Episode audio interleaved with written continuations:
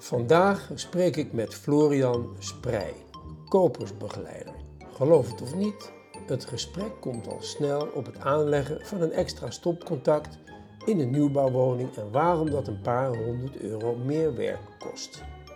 Een verhaal dat lastig is uit te leggen, maar niet door Florian. Woonconsumenten uit wat jij doet? Ja, voor een woonconsument uh, ondersteun ik hem eigenlijk in het maken van uh, bouwkundige keuzes. Uh, en dat kan gaan in het geval van de woning bijvoorbeeld van uitbouw tot dakkapel tot aan een stopcontactje of een, een tegeltje, zeg ja. maar. En het hele proces wat daarmee te maken heeft. Um, dus ja, zodanig dat de aannemer uiteindelijk vooral weet wat hij, wat hij moet doen. En dat de koper een woning opgeleverd krijgt die aan zijn wensen voldoet en verwachtingen. Ja, ja, ja. En de aannemer, die betrekt jou. Jij bent namens de opdrachtgever of de aannemer of de ontwikkelaar? Ja, dat hangt er een klein beetje vanaf. Uh, in een enkel geval is het uh, de ontwikkelaar uh, waar ik rechtstreeks voor werk. En in veel gevallen is het de aannemer waar ik rechtstreeks voor werk. Alhoewel daar wel een verschuiving ontstaat, omdat de projectontwikkelaar ziet de koper als zijn klant. En wil eigenlijk dus uh, meer dat stukje uh, klanttraject in zijn, binnen zijn werkzaamheden houden. Dus ik word eigenlijk steeds regelmatiger door projectontwikkelaars benaderd om, om een project te begeleiden. En de klassieke manier is dan dat de projectontwikkelaar die heeft een aannemer betrokken? Ja. Dat kan soms ook een ontwikkelende aannemer zijn, hè? Ja, dat kan. Maar wat maak jij het meeste mee? Dat een ontwikkelaar een aannemer betrekt? Uh, ja, normaal gesproken doet de ontwikkelaar dat uh, inderdaad. En, en ja. ja. zeker, je hebt ontwikkelende aannemers. Uh, al, um, ja, die, zijn er, nou, die zijn er wat minder, is, is niet helemaal waar, maar die kom ik wat minder tegen, laat ik het zo zeggen. Ja, ja. Vaak zie je dat een werk uit een aanbesteding komt of ja, zo'n zo'n situatie. En niet zozeer dat aannemer dat werk zelf ontwikkeld heeft. Ja, en dan um, zijn het ontwikkelaars die jou in de armen nemen om, ja, uh, gaat het dan uitsluitend over keukens en badkamers? Of nou ja, je, je, je zei het, je noemde al ook dakramen en ja. Wat is nou de bulk van het werk dat naar jou toe komt? Ja, ik vind dat je altijd zo klantgericht mogelijk uh, moet zijn. Uh, uiteraard binnen de grenzen die, uh, die de bouw kent in feite. Um, en ja, ik, ik vind dat je eigenlijk gewoon moet mogelijk maken wat de klant wenst. want uiteindelijk betaalt hij de woning en betaalt hij ons als bouwprofessionals. Ja. ja. Um, Echter moet het natuurlijk wel binnen het bouwproces uh, passen en kunnen. En dat is niet altijd zo? Dat is niet altijd zo, nee. Uh, we hebben uh, in de projectmatige bouw te maken met een bouwstroom die behoorlijk strak geregeld uh, is. Dus over ieder schroefje en boutje is van tevoren nagedacht. dus er is altijd een x-moment waarop men erover nadenkt. En tot dat moment zijn keuzes mogelijk en daarna niet meer. En een deel van de keuzes zijn in theorie ook niet mogelijk, omdat het gewoon niet binnen het projectmatige uh, past. En dat is wat mensen vaak nog wel eens verwarren. Mensen denken vaak van nou, we kopen een nieuwbouwwoning, dus alles kan, wat wij, of alles wat wij willen kan.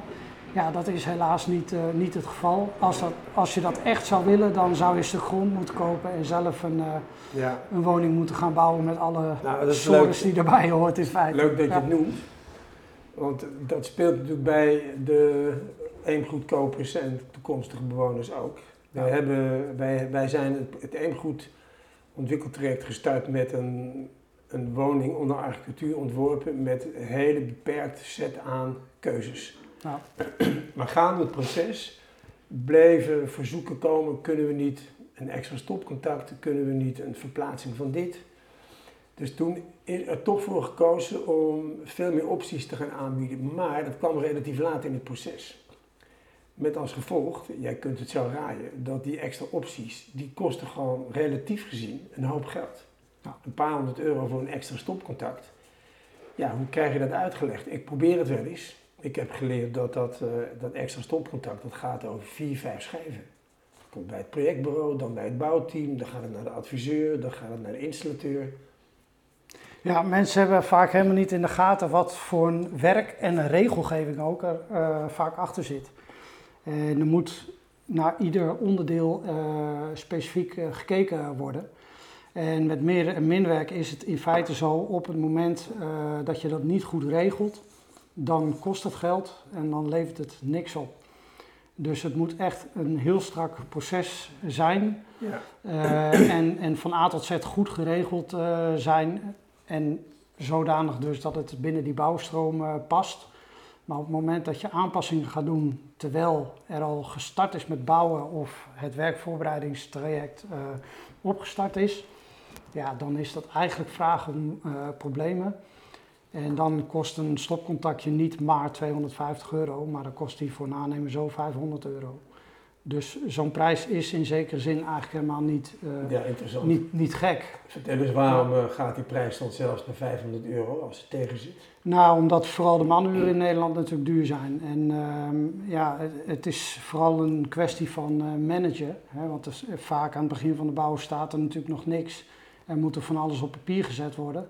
Maar dat moet dus wel gedaan worden en dat moet gecontroleerd worden. En dat moet misschien wel twee of drie keer gecontroleerd worden. En nou ja, net wat je zegt, daar kijkt een installateur naar, daar kijkt een bouwtechnisch bureau naar, daar kijkt een aannemer naar, daar kijkt uh, een, uh, een, een, nou ja, een warmteinstallateur en een elektra-installateur kijkt ernaar. Uh, ja, enzovoorts, enzovoorts. Ja, en dan moet het meerwerk nog gefactureerd worden en die betaling moet weer gecheckt worden. Ja, ja en dat klinkt allemaal heel erg veel, maar als we het puur even hebben over het echte handwerk, zeg maar, het echt maken van het stopcontactje ja, ga er maar eens eentje maken. Ik denk dat als je dat uh, voor een eerste keer doet, en natuurlijk doen, doen die mannen op de bouw dat natuurlijk niet voor de eerste keer, maar als je dat voor de eerste keer doet, een stopcontactje van A tot Z aangelegd vanuit het plafondlichtpunt, nou, dan kost je gewoon bijna een dag.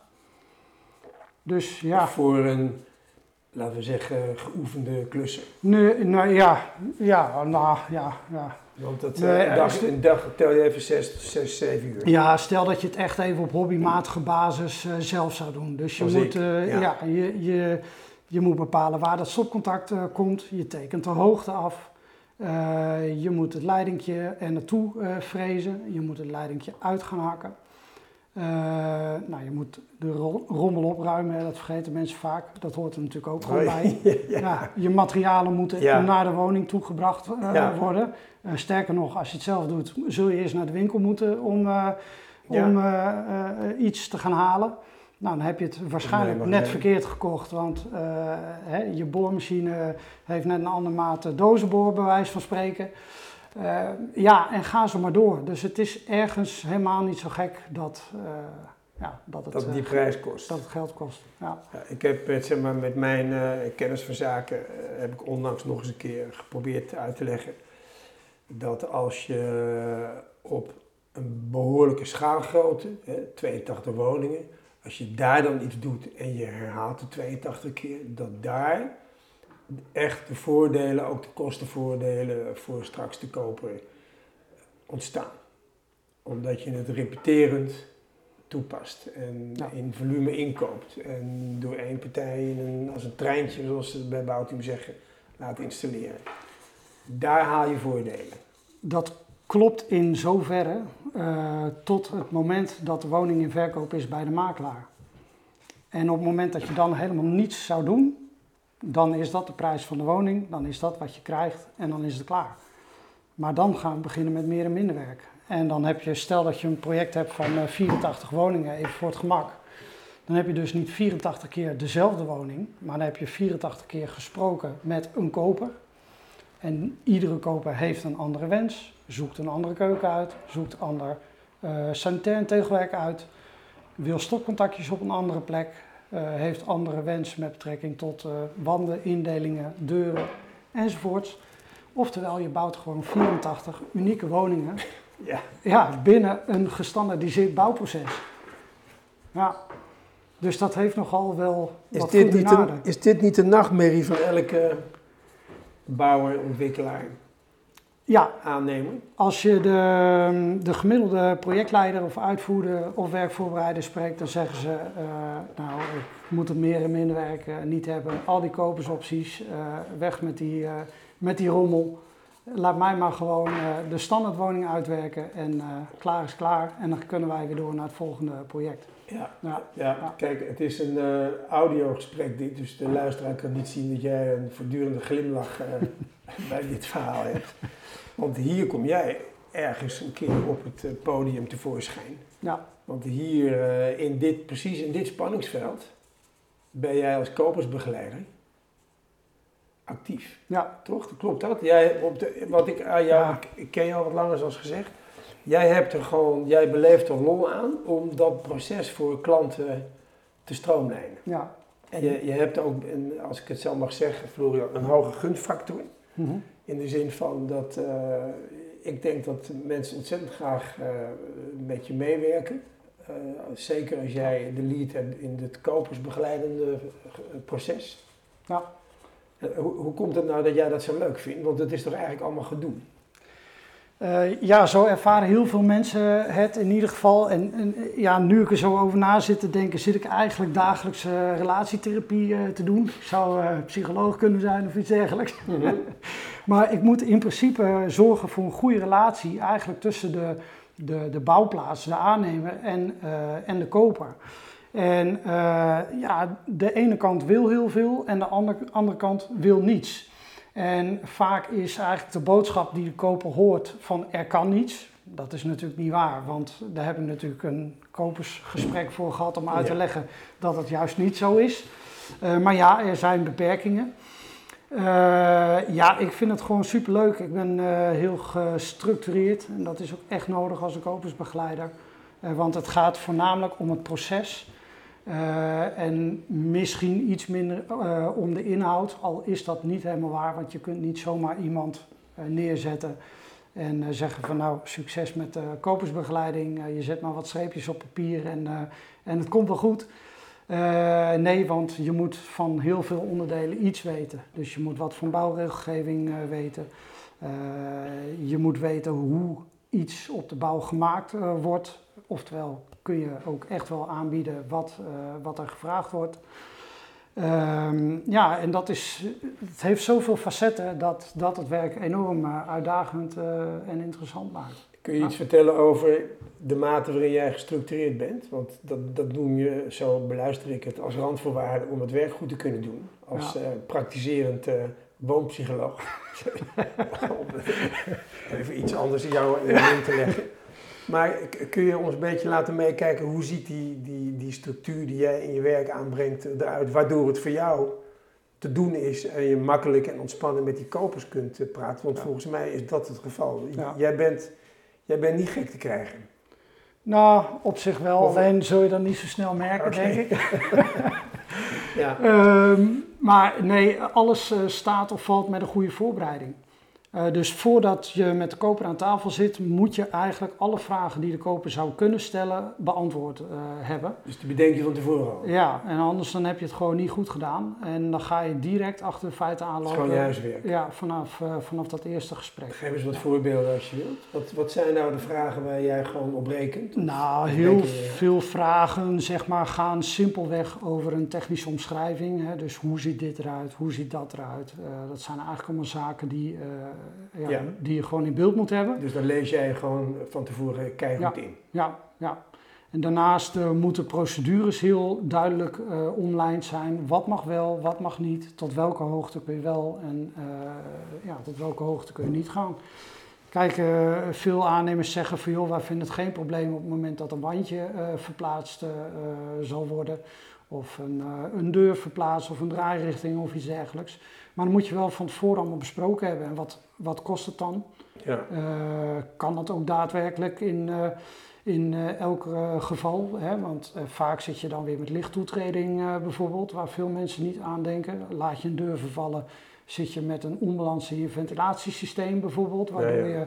je een beperking op de garantievoorwaarden of daarmee rekening moet houden. Ja, dat soort zaken moeten van tevoren gewoon echt duidelijk zijn. En in, in, eh, zeg maar in administratieve zin, wat is daar jouw structurerende kracht? Ehm, nou, ik hou ervan om een schone mailbox eh, te hebben. Oftewel, uh, er moet gewoon in mijn postvak in geen enkele mail zitten die ik nog moet beantwoorden. Want Kijk, dat daar, is, daar word ik gek van. Ja, een zeeuwe mailbox. Ja, mijn mailbox, daar zit over het algemeen nou, maximaal 10 mailtjes in waar ik nog iets mee moet. En de rest beantwoord ik zo snel mogelijk. Dus ik probeer zo snel mogelijk het balletje bij de tegenpartij te leggen. Van alsjeblieft, hier is het antwoord, denk hier maar over na en zeg dan maar wat je hebben wil. En datzelfde doe ik eigenlijk ook in de voorbereiding van een, uh, van een proces. Ik probeer zo snel mogelijk te reageren op wat men mij vraagt. zodat ik daarin het over, overzicht hou en ik weet dat ik op tijd um, ja, de, de, de stukken voor elkaar uh, ja, gaan ja. krijgen. Dat betekent dat, dat jij het systeem van Getting Things Done gebruikt van David Allen. Misschien ken je dat. Nee, zeg maar zo niet. Ja, dat is interessant, want dat, uh, dat, dat, gaat precies over hoe krijg je, dingen, hoe krijg je dingen gedaan, mm -hmm. hoe krijg je je hoofd leeg. En dat gaat ook over mailbox uh, gelezen. elke dag, einde dag, is de mailbox leeg. Dat, dat doe jij dus ook. Ja. Nou, dat is een hele nou, ik zou bijna willen zeggen, een hele industrie van efficiënt en effectief werken. Ja. Maar dat heb jij gewoon, dat komt gewoon uit jouzelf. Dat je bedacht, dat moet ik gewoon zo regelen. Ja, klopt. En ik, ik, uh, ja, ik heb echt een aversie tegen inefficiënt werken. Uh, dus ik doe heel veel. Uh, maar ik probeer het allemaal zo efficiënt mogelijk te doen. Dus op het moment dat ik bijvoorbeeld showroomstukken ga verwerken, wat voor stukken? Showroomstukken. Dus, Showroomstukken. ja, dus mensen gaan naar een showroom, kiezen daar Santen, of, Santen tegenwerk uit voor in de badkamer of bijvoorbeeld een keuken. Dan krijg ik die offertes en tekeningen en die moet ik gaan verwerken. Dus controleren, kijken of alles, alle onderdelen erop staan, of maatvoeringen er goed op staan, dat soort zaken. Uh, dan doe ik niet vandaag uh, bouw nummer 1 en morgen bouw nummer 20 en de dag daarna bouw nummer 25. Nee, ik spaar er gewoon 5 op. En die doe ik achter elkaar in één dag. Want dan krijg je dus een soort repeterend uh, verhaal. Waardoor je in je hoofd weet van, oh, ik moet daar en daar en daar en daar op letten. En dan krijg je dat werk veel dan sneller. heb jij vijf afspraken op een rijtje. Dat doe je gewoon in vijf uur, heb je vijf ja, ja, dan, kopers. Ja. En dan kom jij in een flow terecht. Ja. Kan ik me zo voorstellen. Ja. En dat hou je ook ergens bij. Uh, dingen opschrijven en, en, en, terugkoppelen en bevestigen. En... Ja. Uh, voortgangsschema is voor mij uh, het, de Kijk, heilige graal. Voortgangsschema. Ja, ja. Dus daar staan eigenlijk alle onderdelen van het proces op. En, Zijn dat die balkjes ja. in de tijd? Ja, dus aan de bovenkant heb je dan bijvoorbeeld het afspraak voor kopersgesprek, afspraak bij de showroom, voor de keuken en voor het sanitair tegenwerk. de, de deuren showroom, nou ja, dat soort zaken. En aan de linkerkant van boven naar beneden staan bouwnummers en eventueel type nummers en wat extra informatie die ik misschien nodig heb. En iedere keer als een onderdeel is gebeurd, dan uh, zet ik uh, daar een datum bij. Of ik verander een vakje naar een actie die gedaan is of gedaan moet worden. Zodat ik in dat overzicht precies weet wat er gedaan moet worden. Waar heb jij deze vaardigheid aangeleerd, Florian? Ja, of ja, het is gewoon vanzelf gegroeid. Zo steek ik gewoon in elkaar. Ja, ja. ja, ja interessant. Sommige mensen hebben daar een halve werkleven, zeg maar, moeite, moeite mee, of een hele werkleven om dat voor elkaar te krijgen. Ja. Ik, ik, ik ben zelf uh, op een andere manier heel goed georganiseerd, maar niet zo, zoals jij mm -hmm. dat, dat zegt. Uh, maar goed, dan, en, en, en dan wordt het gewoon prettig en ontspannen. Dan wel, ja als ik het niet doe, dan, uh, ja, dan word ik helemaal gek. Ja, vertel ja, eens. Dat, ja, dat kan... het is bij jou toch ook wel eens uit de hand gelopen? Nou, eigenlijk niet. niet, Door, nee. Niet, nee, niet echt. Nee, doordat je het gewoon uh, zo goed bijhoudt, zeg maar, behoud je ook echt het overzicht en geeft dat rust. En op het moment dat je dat niet, uh, of dat ik dat niet doe, dan, uh, ja, dan lig ik er s'avonds gewoon echt wakker van. En dan, Letterlijk. ja, dan slaap ik er gewoon slecht van. Ja, En ja. dan denk ik van, oh help, wat, wat moet ik allemaal do nog doen? En dan heb ik het gevoel dat ik die week alles af moet hebben wat het dan ook mogen zijn. Ja, ja. Heb je toevallig dat een weet ik voorbeeld uh, voorhanden waarbij je een, een, nachtje hebt wakker gelegen dat je zei, joh, dit en dit? Ja, toevallig gisteravond nog. Uh, gisteren een gesprek gehad voor een nieuw project. En daar komt altijd heel veel werk bij met opstarten. En soms kom je ook wel eens partijen tegen die eigenlijk geen idee hebben van wat voor werk het allemaal is. En er heel simpel over denken. Aannemers? Of Aannemers en projectontwikkelaars. Ja, ja.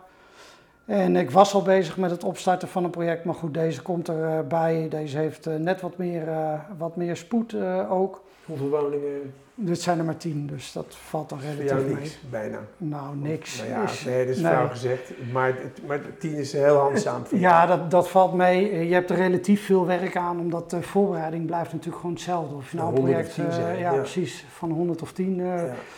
En, en dat is wat mensen vaak over het hoofd zien. En eh, ja, dus er staat al een, eh, een verkoopdatum vast. We weten al wanneer de kopers er ongeveer zullen zijn, over een week of vier eh, in dit geval.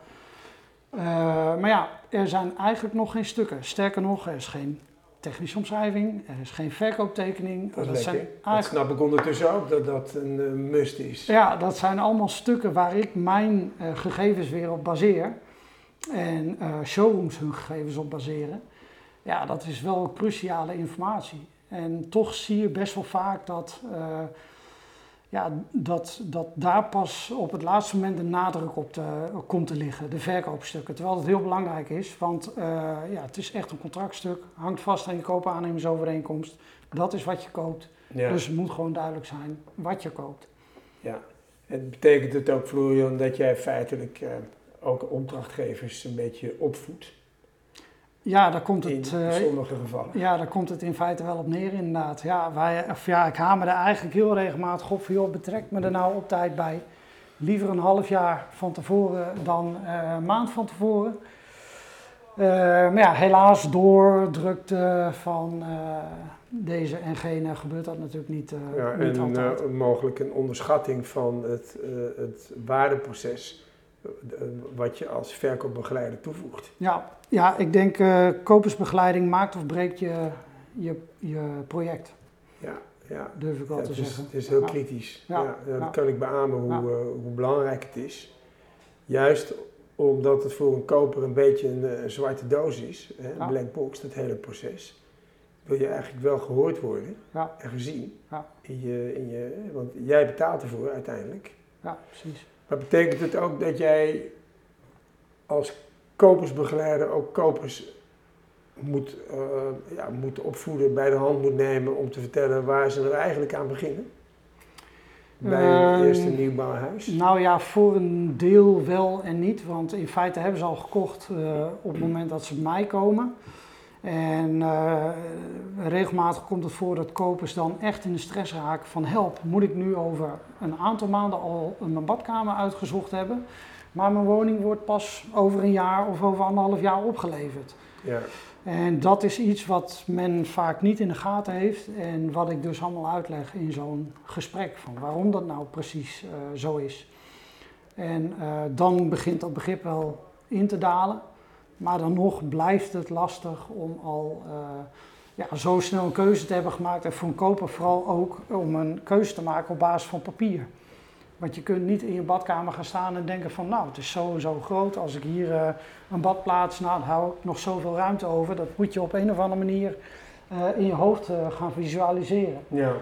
Ja. En dat is iets waar ik dan mee help. En ook aangeef van joh, eh, dit is een hele riante badkamer. Of eh, misschien kun je het beter zus doen of zo doen. Of eh, heb je hier al aan gedacht. Hoeveel gesprekken heb jij door de bank heen genomen met kopers als het gaat over een keuken en een badkamer en andere opties? ja, het klinkt misschien gek, maar in theorie één. Echt waar? Ja. Maar goed, en de praktijk? Nou, de praktijk is, eh, kijk, in, in, in, eh, normaal gesproken doe ik één kopersgesprek. Daar nemen we de procedures door, details door. Eh, mensen hebben dan als het goed is net de optielijst bekeken en weten een klein beetje wat ze willen. Ik maak dan gelijk wat aantekeningen op papier en maak zo snel mogelijk daarna een eerste uitwerking, zodat de koper een beetje gevoel heeft van wat hij nu gedaan heeft. Dus hoe het op tekening staat en wat voor prijs eraan hangt. En ehm, ja, zo gaat het eigenlijk rustig aan uh, verder. En gedurende de, het proces, dus naarmate dat de sluitingsdata, dus de keusmomenten uh, daar komen, dan vraagt de koper wel eens van, uh, ja, maar kunnen we niet even een tweede gesprek doen om het door te nemen? Ik dacht het ook. Ja. ja. En dan is mijn antwoord vrijwel stevast nee. want op het moment dat ik dat doe, dan ga ik een gelijk gesprek voeren aan het eerste gesprek. En dat is niet wat ik wil. Ik wil dat de koper erover nagedacht heeft en dat hij mij eerst de spullen aanlevert. Dat ga ik verwerken en als ik dan nog vragen heb en het dan nog nodig blijkt, dan plan ik een tweede gesprek in. Dus je bent wel streng in de zin van de procesbeheersing? Ja, absoluut. Want het is voor mij sowieso niet te doen om alle kopers twee keer uh, te spreken, want het past gewoon domweg niet in het tijdsbestek. Uh, maar vooral uh, ook vanuit een stukje efficiëntie. Uh, wil ik eerst gegevens hebben, verwerken en dan vind ik het prima om het nog een keer te bespreken of om eventueel uh, wat dingen aan te wijzen van goh, heb je daar aan gedacht, heb je aan dit gedacht, heb je aan zo gedacht. En uh, nou, dat zijn prima dingen die je dan in het tweede gesprek kunt doen. Ja, ja. Nou, hoe lang duurt zo'n eerste gesprek dan, Florian? Want ik sta ervan te kijken dat je zegt, nou, als ik je goed beluister, het eerste gesprek is meestal het enige gesprek. Mm -hmm. ja. Maar het gesprek duurt dan wel. Nou, in principe uh, trek ik daar ongeveer twee uur vooruit. Kijk, dat dacht ik al ja. zoiets. En de praktijk is dat het ja, meestal tussen anderhalf uur, twee uur heb je, heb je al nodig. Uh, en de koper krijgt natuurlijk heel veel informatie uh, op dat moment.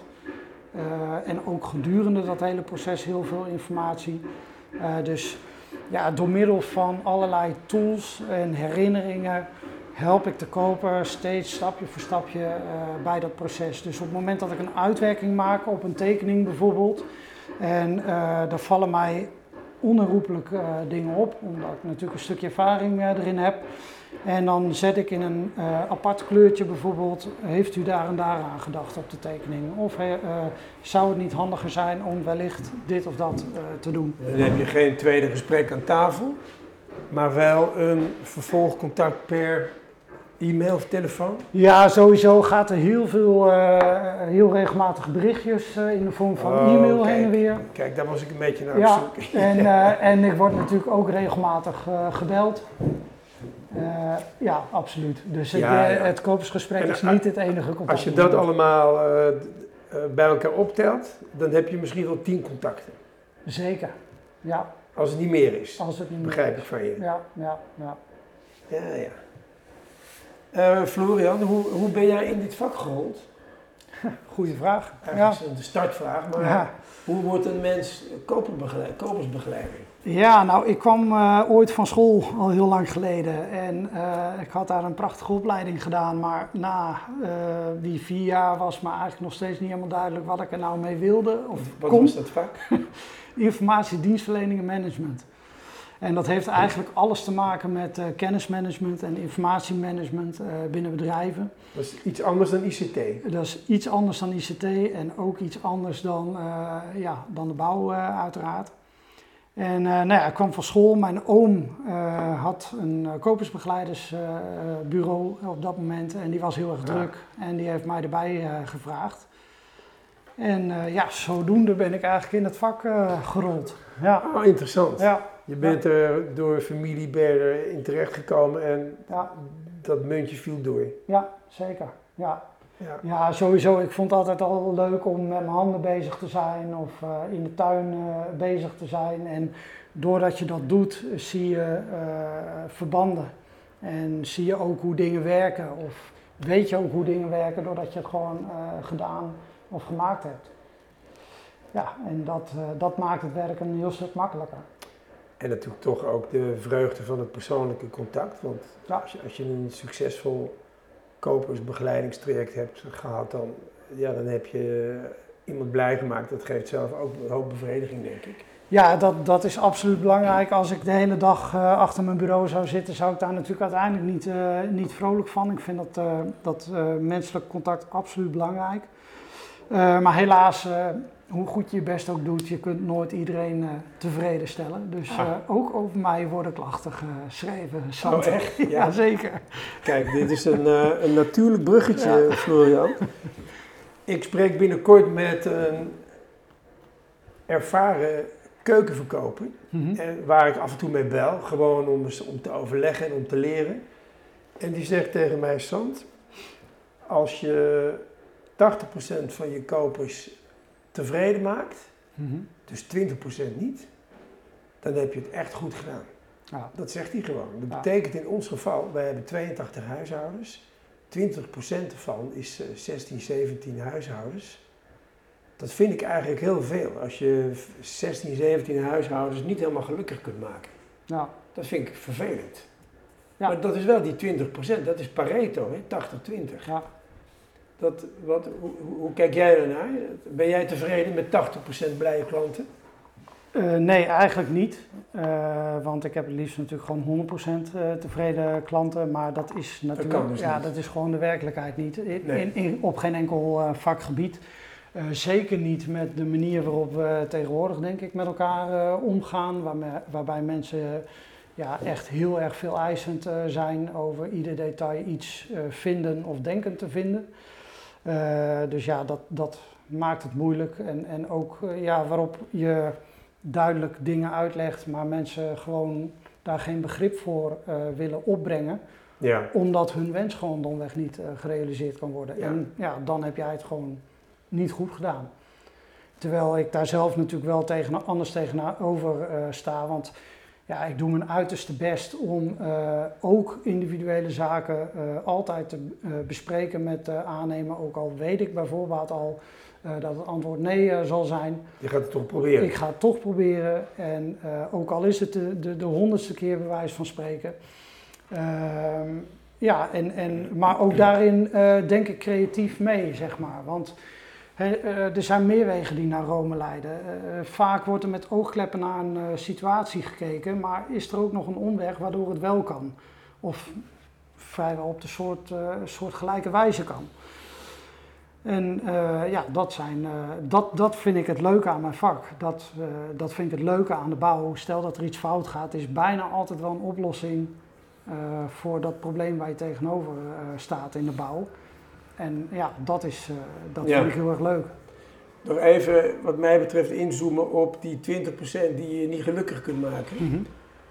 Hoe, wat is nou een veel voorkomende oorzaak dat, eh, laten we ze maar even woonconsumenten noemen, want dat is uiteindelijk toch eh, waar je mee te maken hebt. Hè? Mhm. het, zijn, het zijn burgers, het zijn mensen die kopen wat, de woonconsumenten. Wat maakt ze ongelukkig? Wat komt nou veel voor vanuit jouw ervaring? Waar valt dan het muntje niet door? Waar, waar, wat moet er gebeuren voordat iemand dan toch een klacht over jou indient? Want dat zeg Nou, je net. Ja. Laten we er maar Eh, gewoon even eerlijk naar kijken. Nou ja, i- in zijn algemeenheid zeg maar, is, eh, eh, ligt er op het stukje prijsniveau wel een weerstand, maar dat is in de regel niet een, eh, een reden om een klacht eh, zeg maar, in te dienen. Eh, maar wat eh, onlangs gebeurde is dat ehm, vorig jaar september een sluitingsdatum is geweest voor het uitzoeken van sanitair tegelwerk. Eh, en dat heb ik allemaal verwerkt. Dat heeft de werkvoorbereider verwerkt en nagekeken. De installateur heeft dat verwerkt en nagekeken. De warmteinstallateur, de loodgieter, de elektra Gewoon het hele treintje. Het hele treintje. Alles staat gereed voor bestelling, zo niet is al besteld. En ik kreeg in mei eh, bericht dat, eh, ja, dat men eh, tegels wilde wijzigen qua kleur eigenlijk. Eén klant? Of? Eén klant, ja. ja. En ja, daar is het antwoord helaas op geweest, dat kan niet. Want ja, sluitingsdatum was in september, dus dat was al op zijn minst vier maanden geleden. Ja. Nog meer zelfs. En ja, dat, dat kan op dat moment niet meer binnen, dat, eh, binnen het proces. En bovendien, op het moment dat ik het bij één zou doen, dan heb ik daarna 30 kopers aan mijn bureau staan. Hè? Ja, ah. Dan mag je, mag je het voor iedereen doen. ja. Dus dat is, dat is niet te doen. En dat is de reden dat we een heel duidelijk proces hebben en dat ook zo goed mogelijk proberen uit te leggen. Dat staat overal in de stukken. Alleen mensen lezen tegenwoordig natuurlijk niet meer, denken het te weten, eh, maar weten het niet of horen iets eh, en, en verbinden daar een bepaalde conclusie eh, aan. Ja. Ja, dat zijn eigenlijk allemaal dingen waar ik vrij weinig aan kan doen. Uh, maar welke me dan uiteindelijk wel in de schoenen worden geschoven. Uh, ja, want kennelijk had per ongeluk een verkoper van het sanitair tegelwerk gezegd van nou, als de aannemer het ermee eens is, dan kunnen wij dat nog wel aanpassen. Ik zat al te zoeken naar waar zit dat haakje dat een koper denkt, ja. het kan nog. Ja. Dus toen die vraag bij me kwam, heb ik dat ook absoluut besproken met de aannemer. Van, is dit nog iets waar we iets mee uh, kunnen? Willen we dit? En uiteindelijk is besloten dat het niet kan, omdat het gewoon te veel implicaties uh, heeft. Ja, of te duur wordt. Ja, ja. Dat is op de een goed meer dan eens gebeurd. Dat, Kijk, uiteindelijk, alles kan. Als je maar bereid bent te betalen en een eventuele tijdsvertraging op de koop uh, toe, wilt nemen, dat laatste is, is, een hele, hele slechte suggestie. Ja. Uh, maar als het meer werk betaald wordt, dan, dan kan er een hoop. Ja. Ook niet alles. Ja, maar, nee. ja.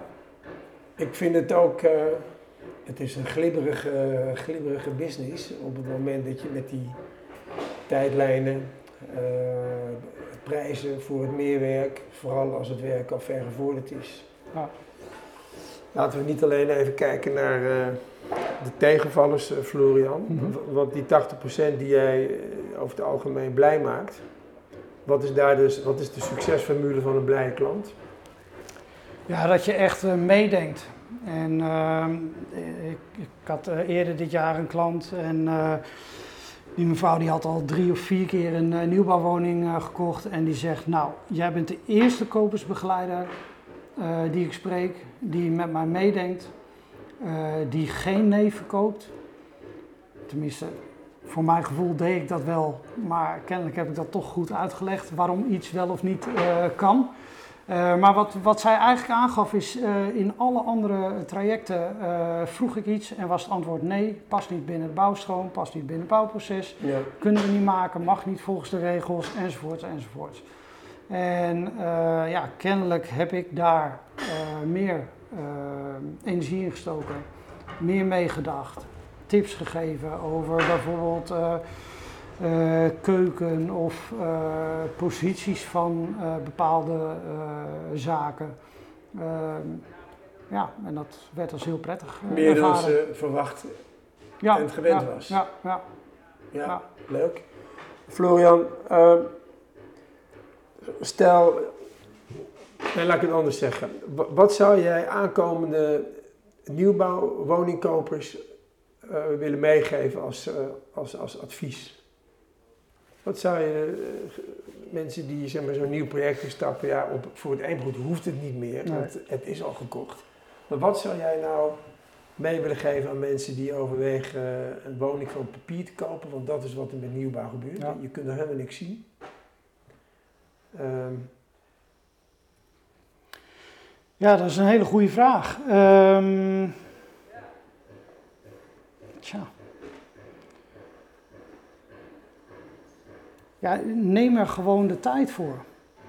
Je krijgt natuurlijk een bepaalde periode waarbinnen je de keuzes uh, moet maken. Uh, vaak raken kopers daardoor in de stress. Maar op het moment dat je vanaf het begin af aan er actief mee bezig uh, bent, dan worden al je vragen gedurende die periode beantwoord. En ontvang, of ja, krijg je daar vanzelf een stukje rust in.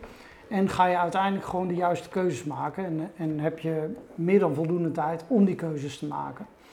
En uh, ja, weet je, niet, uh, meerwerk is een service. Het is geen must. En dat is iets waar mensen vaak uh, de mist mee ingaan. Mensen denken dat meerwerk moet of iets dergelijks. Of het is het spek op de botten bij de aannemer. Nou ja, ik denk dat we inmiddels. Is dat zo? Nee, ik denk dat we inmiddels uh, in, hè, eerder in dit gesprek al wel hebben aangetoond dat dat denk ik uh, toch niet is. Uh, sterker nog, in de bouw. Dat, ja. Dat, is, dat, zeg je goed. Het spek, het, ik, ik kan vanuit mijn positie zeggen, het meerwerk, daar zit je verdienmodel niet hoor. Nee, dat nee. kost zo ontzettend veel tijd en daarmee geld. Ja. Ja. Er, is, er zijn zoveel partijen die allemaal op uurbasis hun diensten leveren. Ja. Nou ja, de, winstmarges in de bouw zijn enorm laag. En dat is wat mensen niet uh, in de gaten hebben. Uh, als je weet ik het, uh, tien verschillende kopers zou vragen van joh, wil jij liever een cafetaria beginnen of een bouwbedrijf? Bij wijze van spreken. ja, dan zou het maar zo kunnen zijn dat mensen zeggen van nou, bouwbedrijf, hè, kan groot, kun je veel geld mee verdienen. Nou, Kom ik ook in de, in de top 500 van de quote. Ja, inderdaad. Ja. Er gaat veel geld in om, daar ben ik het helemaal mee eens. Uh, maar ja, als jij een winstmarge van uh, tussen de 3 en de 5 procent wil halen, dan, nou, dan wens ik je veel plezier in de bouw. ja. Nou, het is, ik vind het wel goed dat je dat percentage noemt. zo ligt dat bij ons hopelijk ook zo. In, ja. in, in de fase waarin we nu zitten, met het zicht op de oplevering, is het voor ons als opdrachtgever, samen met de ontwikkelende architect, nog steeds de vraag uh, wat is de eventuele winstmarge die we kunnen gaan realiseren? Ja. Met name gegeven al datgene wat we achter de rug hebben. Hè? Misschien, je, je, weet het, we hebben hier heel specifiek meegemaakt dat er wat, wat regelgeving vanuit het waterschap is gewijzigd, omdat veel hele fietsenfilters hier onvoldoende functioneren. Dus die, die regelgeving is aangescherpt. Nou, dat hm. betekent dat je bijvoorbeeld de watergang hier, die rondom het plot loopt, die moest verbreed en verdiept worden. Um, we hebben hier ook heel specifiek te maken gehad met de onverwachte aangetroffen archeologie van hele hoge waarden, zoals dat heet. Nou, um, dat, uh, dat heeft heel veel tijd gekost om dat op een akkoordje gegooid te krijgen om toch verder te kunnen. Kost heel veel geld. In Nederland betaalt uh, de bouwende partij, wij dus, de kosten van archeologie. Zo is dat uh, in, in de wet geregeld. Maar waar we in zijn algemene zin mee hebben gemaakt, en daar zul jij ook mee te maken hebben gehad. Wij kijken terug op vijf jaar projectontwikkeling nu. Als we straks in december finaal opleveren het Eemhuis. Dan zijn we vijf jaar onderweg geweest vanaf de stip die we in december 2016 hebben gezet. En over die periode gaat het over een prijsstijging van 50 procent uh, zijn de kosten nieuwbouw. Materialen, uh, halve materialen, fabrikaten en grondstoffen. heb jij dit ooit meegemaakt? In dit uh, nou, tempo? Nou, ik heb dat nooit echt heel specifiek of bewust uh, bijgehouden. Ik denk, uh, zeg maar, de, de, de prijzen voor het kopers meer en minder werk, dat ligt op zich al wel jaren ongeveer rond hetzelfde. Balanceert dat wel een beetje. Uh, maar daar zie je wel dat die inkoopprijs uh, wel gestegen is en dat dus de win winstmarge daar toch lager is. Maar ja, ook inderdaad, net wat je zegt, een stukje regelgeving. Het is in Nederland gewoon niet normaal waar we allemaal aan moeten voldoen. Vraag maar eens een gemiddelde aannemer hoe het bouwbesluit in elkaar zit. Ik, ik, denk, ja. ik denk dat de helft van de mensen hier nog niet kan vertellen waar een woning aan moet voldoen. Daar heb je een expert voor nodig. Ja, het is echt een vak geworden van ja. heb ik jou daar. Ja. Maar wij hebben bijvoorbeeld te maken gehad met een fout in het bestemmingsplan. Er zat een foutieve kaart in, waardoor we onverwacht op die archeologische vindplaats terecht zijn gekomen. Zo bleek. Dat, dat uh, fout in het bestemmingsplan, uh, ja, het bestemmingsplan heeft de kracht van wet. Ja.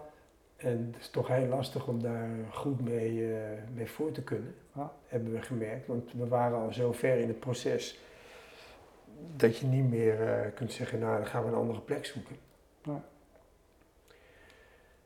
um, ja dat is, dat is uh, wat, wat wij van mensen die het bouwvak goed kennen horen. Als we dit bij een aannemer hadden aangeboden een jaar of drie geleden, dan had het project het waarschijnlijk niet gehaald. Nou ja, sommigen zeggen het wel zeker niet. Hm. Dus wij zijn heel erg blij met de werkmethode van CPZ, die onder haar eigen regie, in onze opdracht weliswaar, het hele bouwproces regisseert. Dus dat treintje van aannemers, dat zijn natuurlijk allemaal, dat zie je ook hier op de hekken, allemaal aannemers die eh, de onderdelen hè, onder regie van het bouwteam ja. tot, uh, tot stand brengen. Uh, ik vroeg jij net om een advies aan potentiële kopers van nieuwbouw. Wat zou jouw advies zijn aan projectontwikkelaars met betrekking tot dat stukje kopersbegeleiding? Ja, begin er op tijd mee en onderschat het proces niet. Ja. En wat is op tijd? Ja, je moet denk ik eh, minimaal vier, vier maanden voordat uh, het project in verkoop gaat uh, beginnen met eerst verkenningsgesprekken. Welke opties zijn er mogelijk? Wat willen we wel? Wat willen we niet? Is, welke showrooms gaan we betrekken? Ja. Dat is tegenwoordig ook een, een drama. Dus welke? Welke showrooms gaan we... Oh, welke showrooms, ja. ja. Dus welke keuken- en badkamerleveranciers als je vandaag, je over, hè? Als je vandaag een showroom belt, kan het maar zo zijn dat ze pas uh, januari volgend jaar tijd uh, hebben. Ja, dat gaat niet, want dan ben je waarschijnlijk al aan het bouwen. Dus dat zijn echt hele belangrijke dingen geworden. Ja, ja. ja. Maak jij een onderscheid tussen een showroom traject en een uh, inkooptraject en een installatietraject? Uh, ja en nee. Ja. Ja. Hoe, even denken hoor. Hoe bedoel je die vraag nou, precies? In ons geval, wij werken met uh, een installateur van sanitair en keukens. Mm -hmm. En, die, en, en de, de, onderhandelingen in de verkennende gesprekken hebben ertoe geleid dat zij hebben gezegd: wij doen het showroom traject mm -hmm. en het besteltraject. Maar het plaatsingstraject voor het sanitair doen wij niet zelf. Nee. We zijn niet toe uh, geëquipeerd. Ja. Uh, dat moeten jullie laten doen onder eigen regie. Terwijl ze hun, hun keukenplaatsingen doen met een eigen team. Ja. Je hebt heel veel keuken- en sanitair leveranciers die alleen maar het showroom en het besteltraject doen en het hele installatietraject en het plaatsingstraject door ZZP'ers of, ja. of onderaannemers. Ja. Dus wij waren heel gelukkig een leverancier van keukens te vinden die in ieder geval zei, wij hebben een eigen installatieploeg. Dat zijn geen ZZP'ers, die staan bij ons op de loonlijst. Ja. Dat is vrij uitzonderlijk. Ja, in. Nederland heb ik geleerd. Ja. Al die keuken- en uh, badkamerleveranciers die bedienen zich van uh, groepjes ZZP'ers of misschien wel losse ZZP'ers. Ja. Klopt dat? Of, ja, meestal uh, ja, voor de keukens is dat inderdaad meestal het geval. maar over het algemeen zie ik dat binnen de nieuwbouwprojecten keukens na oplevering worden geplaatst. Hè. Dus mensen kopen een keuken bij een showroom en dat wordt dan door de mensen van die showroom geplaatst. Of inderdaad een ZZP'er die ingehuurd is. maar het sanitair tegelwerk wordt meestal geplaatst voor oplevering. En dat gebeurt dan door de betrokken installateur uh, bij het project. En is het dan een woning inclusief een sanitair? Ja. Ja, ja, want dat valt dan ook gewoon onder de, onder de, de garantie. Ja, ja, onder de aanneemsom ja. en onder de garantie. Ja. Ja. ja. wij hebben er bij het Eemgoed voor gekozen om een onder architectuur ontworpen keuken- en badkamer aan te bieden. Met de mogelijkheid van het meer of minder werk via de leverancier. Uh, uiteindelijk uitgevoerd voor het sanitair door een zelf betrokken aannemer. Ja. Dat is een heel, heel, heel intensief proces gebleken. Omdat, precies wat je zei, alles gaat op maat. Dus geen enkele, vrijwel geen enkele keuken is standaard afgenomen, of badkamer standaard afgenomen zoals ontworpen. Nee. Dus of we dat de volgende keer ook zo zouden doen, ik denk dat het antwoord nee is. Mm -hmm. Ja, bij huurwoningen kan het wel, hè? is het wel veel meer gangbaar. Ja. Bij koop niet. Um, uh, Florian, deze podcast heb ik de Wooncast genoemd. Mm -hmm. Gesprekken over woondromen met de voet op de grond. Uh, ik vind het altijd leuk om met de mensen die aanschuiven ook even te kijken naar hun eigen woonhistorie. Mm -hmm. En dat begint natuurlijk daar waar jouw wieg heeft gestaan. Waar was dat in jouw geval? Wat was dat voor een huis? Oh, dat was een uh, appartementje waar mijn wieg heeft gestaan. Ik heb werkelijk geen idee meer hoe hoog dat was of hoe groot. Want in welk deel van het land? Ja, ik, in uh, Frankrijk, notabene. In Frankrijk, ja. notabene? Ja. ja, ik ben in de omgeving van Parijs uh, geboren. Dus daar heb ik de eerste drie jaar van mijn leven doorgebracht. Ja, maar ja, ik weet dat ik daar in een flatje heb gewoond, maar geen idee meer. Waar in de buurt van Frankrijk? Uh, vlak naast Parijs. Ja, buiten, okay. uh, buiten de stad van Parijs. Ja. Oké. Okay. Ja. En, en, eh, en toen? En toen uh, ben ik naar Noordwijkerhout verhuisd, dus aan de kust. Daar in een rijwoning gewoond. Ja, op dat moment was je nog klein, tot mijn tiende heb ik daar gewoond. Dus had je het gevoel dat het een hele grote woning is. Maar ik ben laatst nog eens een keer door de straat gelopen. Ik denk dat die nou ja, pak hem weg, 100, 100 110 vierkante meter uh, zeg maar is. Uh, een gemiddelde tussenwoning zoals we die in Nederland kennen met een piepklein tuintje van nou, 5 bij 5 meter grofweg. Ja, wel een goede tijd gehad. Tot je tiende en, en, tiende. en toen kwam de tiende tijd. En toen zijn, moesten we weer naar Frankrijk. ja, want mijn moeder, die dus Frans is, had heimwee. Dus we zijn weer uh, naar een buitenstad van Parijs uh, verhuisd. Met jouw Nederlandse vader? Met mijn Nederlandse vader, ja. ja dus jouw Frans is... Uh, mijn Frans is uh, vrij aardig. Ja. Tot goed gewoon. Ja, helaas kom ik weinig Franse kopers tegen. ja. Leuke details zeg, van jouw woonhistorie. Ja terug naar Frankrijk. Ja. En, en, je bent een keer teruggekomen in Nederland. Ja, klopt. Dat was uh, direct een jaar later, want toen was mijn moeder helemaal klaar met uh, Frankrijk. En toen zijn we in uh, Warnsveld gaan wonen. Daar hebben mijn ouders een huis laten bouwen. vrijstaande woning.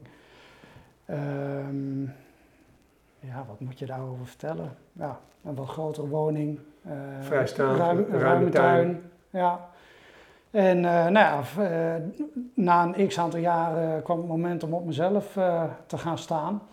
En na kort even een uitstapje te hebben gemaakt in de huursector, dat was anderhalf jaar, hebben we een huis gekocht. En um, nou ja, een tussenwoning uit de jaren 50, 60, 90, 95 vierkante meter groot. Nou, hij leek heel mooi en klaar. Maar uh, na een aantal jaren bleek uh, toch wel uh, dat er het een en ander aan gebeuren kon. Dus daar heb ik mijn eerste kluservaring op gedaan. Ja, ben je daar pas gaan klussen? Ja, daar ben ik pas echt gaan klussen. Je hebt gewoon geleerd toen je je eerste woning ja, betrad met je vrouw. Ja, klopt. Ja. En ja, uiteindelijk onlangs mijn tweede woning gekocht. Een 201 kap woning. En uh, die hebben we gekocht vanuit een situatie uh, waarbij er echt alles aan gedaan uh, moest worden. Bewust? Ja. Je wist gewoon dat we een klus hadden? Ja, we hebben heel veel woningen bekeken. maar ja, omdat je in de bouw zit, heb je toch een hele hoop wensen en zie je van alles. En daar waar mensen zeggen van nou, dit is een mooie nieuwe badkamer, denk ik van nou, ja, in de jaren negentig misschien inderdaad. Of ja. drie jaar geleden waren dit de technieken van toen. Ja. Maar Nee, dit is, uh, dit is niet mijn ding. Dus er was eigenlijk altijd wel iets op aan te merken. Dus ja, toen hebben we gedacht van nou, dan kopen we liever uh, oude troep en maken we daar wat moois van. En uh, voel jezelf de regie. Ja, om het oneerbiedig te zeggen. En ja, dat hebben we gedaan. En nu hebben we een heel mooi, fijn huis. Ja. Want ik weet, jij hebt een gezin. Waar moet een goede gezinswoning aan voldoen, als jij het zegt? Ja, ja, voor mij of voor, voor, jou? voor een gemiddelde koper. Voor jullie? Ja. Uh, nou, ik wil in ieder geval een, uh, een fatsoenlijke tuin uh, hebben. en een, een ruime woonkamer. Ja, en een fijne keuken. Ik vind de ruimte beneden over het algemeen fijner dan, hè, dat moet, moet plezieriger, of mag plezieriger zijn zelfs dan, dan boven. Mm -hmm. En uh, ja, fijne badkamer vind ik uiteraard ook wel fijn, maar of mijn kamer nou uh, 17 vierkante meter is of 13, dat vind ik niet zo uh, ja, spannend. Ja, ja. Tot slot, Florian, valt er nog wat te dromen? Op wonen? Met, met betrekking tot wonen, ja, op woongebied? Ja, er valt wel wat te dromen inderdaad. Ja, we hebben in Nederland helaas uh, toch met z'n allen veel te veel de neiging, vind ik persoonlijk, om uh, te beginnen bijvoorbeeld uh, in een appartementje, om dan door te groeien naar een, een eengezinswoning en dan naar een 201 kap en eventueel vrijstaan te willen en dan eventueel nog een boerderijtje of iets dergelijks. Ja, ik vind dat allemaal een beetje onzin. Uh, Vertel, hoe zou het eruit moeten zien? Nou ja, kijk, uh, ergens heb ik in mijn achterhoofd uh, dat ik op zich best wel een keer zou willen emigreren naar uh, Frankrijk te zijn de tijd. Maar goed, dat gaat op korte termijn. En dan schaf je je gewoon een chateautje aan. Nou nee, gewoon ergens in the middle of nowhere een leuk opknappertje of iets dergelijks. En ja, dat lijkt me heerlijk in de bergen. Leuk, dan kom ik je bezoeken. Ja, nou, je bent welkom. Leuk, Florian. Dankjewel. Ja, graag gedaan.